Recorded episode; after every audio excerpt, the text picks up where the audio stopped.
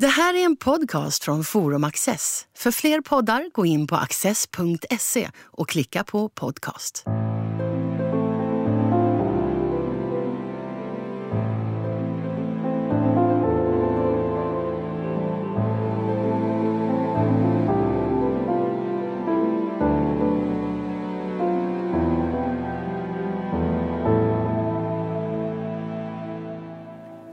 Välkomna till en ny bok. Eh, vi sitter här med Sven Dahl, fil.doktor i statsvetenskap och chef för Liberala nyhetsbyrån.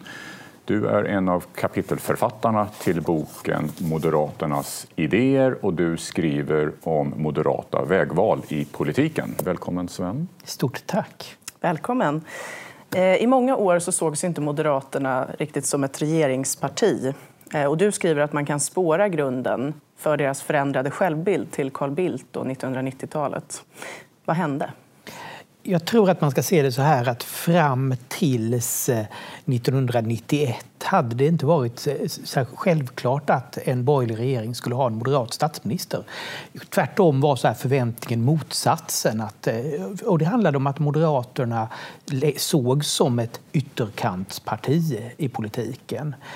Men vad som händer under, under bildåren är ju att man skaffar sig självbilden av att vara den naturliga enande kraften på den borgerliga sidan och det naturliga statsministerpartiet.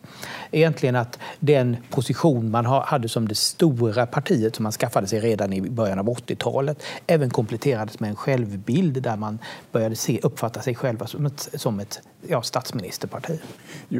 Bara säga rent kompletterande fråga till det. Gjorde, var det liksom den allmänna uppfattningen också inom borgerligheten att det nu var Moderaterna som var... Tidigare hade det ju varit Centern och dessförinnan var det Folkpartiet. Och, men nu att det var, ett, liksom, det var ett naturligt sätt att se på tillvaron. Ja, jag skulle säga att någonstans inför den regeringsbildningen mm. sker det skiftet. Det är inte längre så att, eh, att Centerpartiet och dåvarande Folkpartiet kräver att få statsministerposten, vilket ju hade varit det, det naturliga i samband med eh, regeringsbildningarna på 70-talet. Och det var väldigt viktigt att eh, Moderaterna inte skulle ha allt för stort inflytande på politiken, hette det till och med. Ja, att det där med mittenpolitik skulle förankras och så vidare. Så det, var väl, det var väl också den, det, det argumentet man hade. Ja, och här 1991 bygger ju snarare på att Folkpartiet och Moderaterna kommit överens om ett ganska ambitiöst gemensamt program. Eh, ja, Bildt eh, och sen kommer då Reinfeldt, men vi har, vi har i och för sig parentesen Bo Lundgren. Mm. Men, eh, men Reinfeldt tar ju över då 2003 eh, som partiledare och sen så kommer alltså, framgångsvalet 2006. Och då är väl, där, där har vi ju en annan eh, kan säga, inriktning inom, inom borgerligheten men det är, moderaternas, det är de nya Moderaterna som, som Reinfeldt liksom representerar och står för som någonting helt nytt i svensk politik. Kan du säga någonting om, liksom om detta när det gäller liksom synen på Moderaterna som det statsbärande partiet och så vidare? Jag tror att man, om man tittar på så här just rödgrönt som statsbärande parti, vad som händer i och med bildandet av Alliansen är ju att det som alltid varit den moderata maktstrategin, alltså sättet för Moderaterna att få politiskt inflytande, det vill säga att ena de borgerliga partierna att det får en väldigt fast och etablerad form. Vad som händer där i och med att alliansen bildas är ju att, att Folkpartiet, och Centerpartiet och Kristdemokraterna accepterar att den moderata maktstrategin fullt ut och ansluter sig till den bilden att det bästa sättet att förverkliga politik är att då hålla ihop de här fyra partierna. Tidigare hade ju alltid Folkpartiet och Centerpartiet valt att hålla ja, egentligen alla dörrar öppna och just tala om sig själva som mittenpartier för att kunna ha en dörr öppen mot, mot Socialdemokraterna. Vad som händer i med Nya Moderaterna är ju att, eh, att man fullt ut accepterar den moderata maktstrategin. Bakom det ligger ju då förstås också att Moderaterna gör en, en del förändringar i sin politik. Inte minst den omläggningen av skattepolitiken och den kanske mer så här, den mer genom, sakpolitiskt genomarbetade politik som Anders Borg lägger grunden för gör det enklare för, för de andra partierna att, att gå in i det här samarbetet. Man blev mer diplomatiska, så att säga? Ja, man kan säga att, man, att Moderaterna under de, de åren kanske putsar av lite av de kanterna som funnits tidigare. Att, eh, där Moderaterna ju lite haft självbilden av, sig, eh, av, av att vara outsiders um, och vara i opposition mot, mot eh, mot, mot det socialdemokratiska systemet. Att det nu i och med den politikomläggningen blir Moderaterna mycket tydligare ett, ett, ja, ett, ett potentiellt statsbärande parti. Man kan säga att det som händer där är en naturlig följd av egentligen Bildtåren som börjar så här etablera bilden av Moderaterna som, som statsministerparti. Men sen kom Sverigedemokraterna och överraskade de flesta partier med sin snabba framväxt. Och alla partier behövde plötsligt förhålla sig till SD. Vad var det som har varit särskilt svårt med Sverigedemokraterna för Moderaterna? skulle du säga? Dels är det ju en identitetsfråga. Alltså Moderaterna har alltid varit det stora partiet som hållit högerflanken i svensk politik. Och jag menar, det förklarar ju också varför Ny Demokrati aldrig blev någonting. Moderaterna var så pass ja, populistiska i skattefrågan, i välfärdspolitiken och pratade om systemskifte så att det fanns ju inte riktigt något utrymme på, till höger om Moderaterna på den tiden då konflikten primärt handlade om, om, om klassisk höger och vänster klassiska höger och vänsterfrågor. Och vad som händer nu är att plötsligt får Moderaterna en, ett parti till höger om sig och samtidigt blir frågor som tidigare aldrig varit särskilt viktiga i svensk politik eller i varje fall inte särskilt konfliktladdade, blir plötsligt helt centrala. Samtidigt som då det här partiet till höger om Moderaterna dessutom blir en politisk fråga i sig och tenderar att eh, ja, vara väldigt viktig för hur, hur partier agerar. Och det här gör att hela den politiska spelplanen ritas om och att den här gamla maktstrategin att det, det gäller bara att hålla ihop de fyra borgerliga partierna och få mer än 50 procent av rösterna, att den fungerar inte längre. Moderaterna är ju, de har ju länge haft och har ju fortfarande, men det såg vi också i slutet under Reinfeldts andra regeringsperiod, de har ju haft interna spänningar alltså mellan vad vi kallar för mörkblått och ljusblått och nu mellan gamla och nya moderater. Det där är ju är det fortfarande så, så inom, inom Moderaterna? Alltså att eh, alltså striden som Reinfeldt tog mot Moderat Classic, mot de gamla Moderaterna, den tycktes han ju ha vunnit ganska då med en förkrossande seger, tog över partiet, ny politik. Och sen så har, så har han lämnat och nu har det varit en, ny, en omvärdering av Reinfeldt-åren är man tillbaka till, om man kan säga enkelt uttryckt, till någon slags bild, bildår, bildhållning inom Moderaterna. Hur ser du på det, Sven? Jag skulle säga så här att man kanske har fund, tvingats fundera lite över vilken profil partiet ska ha.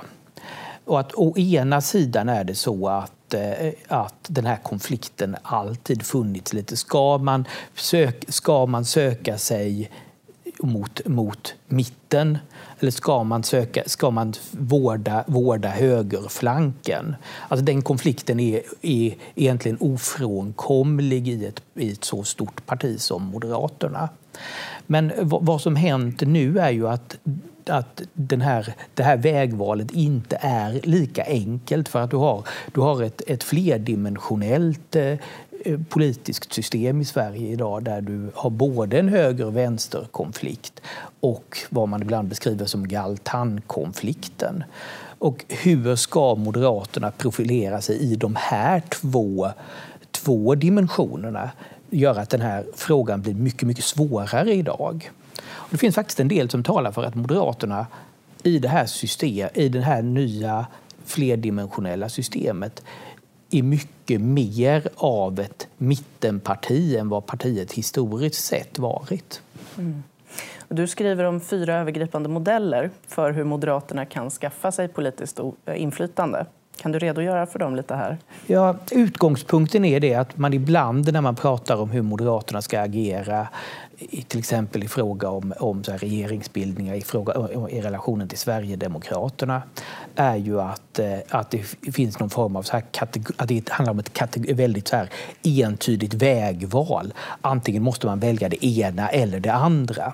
Vad jag argumenterar för är att just den här mittenpositionen i i det, i det politiska systemet gör att Moderaterna i själva verket måste ha mycket mer av vad man skulle kunna beskriva som en klassiskt socialdemokratiskt förhållningssätt till makten. Ja, man kan, man kan bilda regering, man kan förverkliga politik på olika sätt. Lite beroende på vilka möjliga samarbetspartner som ligger närmast.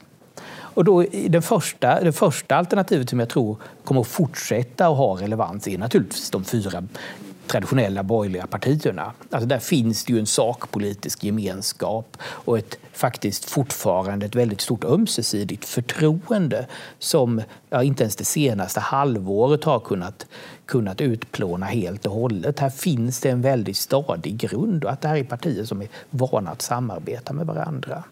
Sen kan man ju också tänka sig en modell där, där man på något sätt försöker inlämna Miljöpartiet i den här konstellationen med de fyra, de, de fyra borgerliga partierna. Det är det vi ser i Stockholmspolitiken. Jag skulle säga att det är en modell som ja, uppenbart verkar funka ganska bra i Stockholm men som kanske bygger på de lite speciella ja, förutsättningarna som finns i storstäderna där Miljöpartiet är, är ganska stora. Men det funkar ju också på, funkar ju också på ja, man ser liknande, liknande modeller i en del kommuner. Och det är inte otänkbart att man kan se, se den typen av regeringsbildning på nationell nivå. Den tredje modellen är, en, är ja, mer högerlutande samarbeten där Sverigedemokraterna inkluderas. Alltså av den modell som vi ser i så här Staffanstorp i, i, och i Sölvesborg, några andra sydsvenska kommuner. Där där jag skulle säga så här att resultatet, när vi utvärderar de koalitioner som finns av, av det slaget om ett par år, om man lyckas skapa stabila, välfungerande samarbeten med Sverigedemokraterna, kommer det att vara väldigt betydelsefullt för på lite sikt. För det avgör lite så här, är detta en framkomlig och ja, möjlig väg? Sen, det, sen, kan man naturligtvis också tänka sig att, att eh, Moderaterna samarbetar med Socialdemokraterna. Det finns ju, det finns ju vissa sakpolitiska överlappningar mellan de här, mellan de här ja, stora, stora statsbärande partierna. Samtidigt är det två partier som ja, hittar all sin energi egentligen av att vara, vara huvudmotståndare i politiken. Så även om det funkar ganska bra på på lokal nivå ibland i Sörmland så har jag svårt att se att vi skulle gå mot en sån, mot en sån eh, utveckling på nationell nivå. Men så här, kärnan i det här är egentligen att, eh, att vara ganska pragmatiska inför, inför ja, hur man ska förverkliga sin politik, hur man ska, ska ja, utöva makt. För att här har Moderaterna i det här nya landskapet en position som man aldrig tidigare haft och som jag tror att man skulle kunna ta vara på ganska, ganska väl. Mm, och då väcks frågan bara där, om inte parentetiskt menar fall, alltså frågan om regera med KD och med stöd av Sverigedemokraterna. Det, liksom, det där är ju Ligger det inom, liksom, är det en fullt tänkbar eventualitet för dig Sven? Eller? Jag skulle säga att det är väl mycket, mycket troligt att, mm. det, att det, vi kommer att få se i varje fall ett försök att bilda en sån regering. I praktiken var det ju det som, som Ulf Kristersson försökte göra redan i, redan i, i höstas.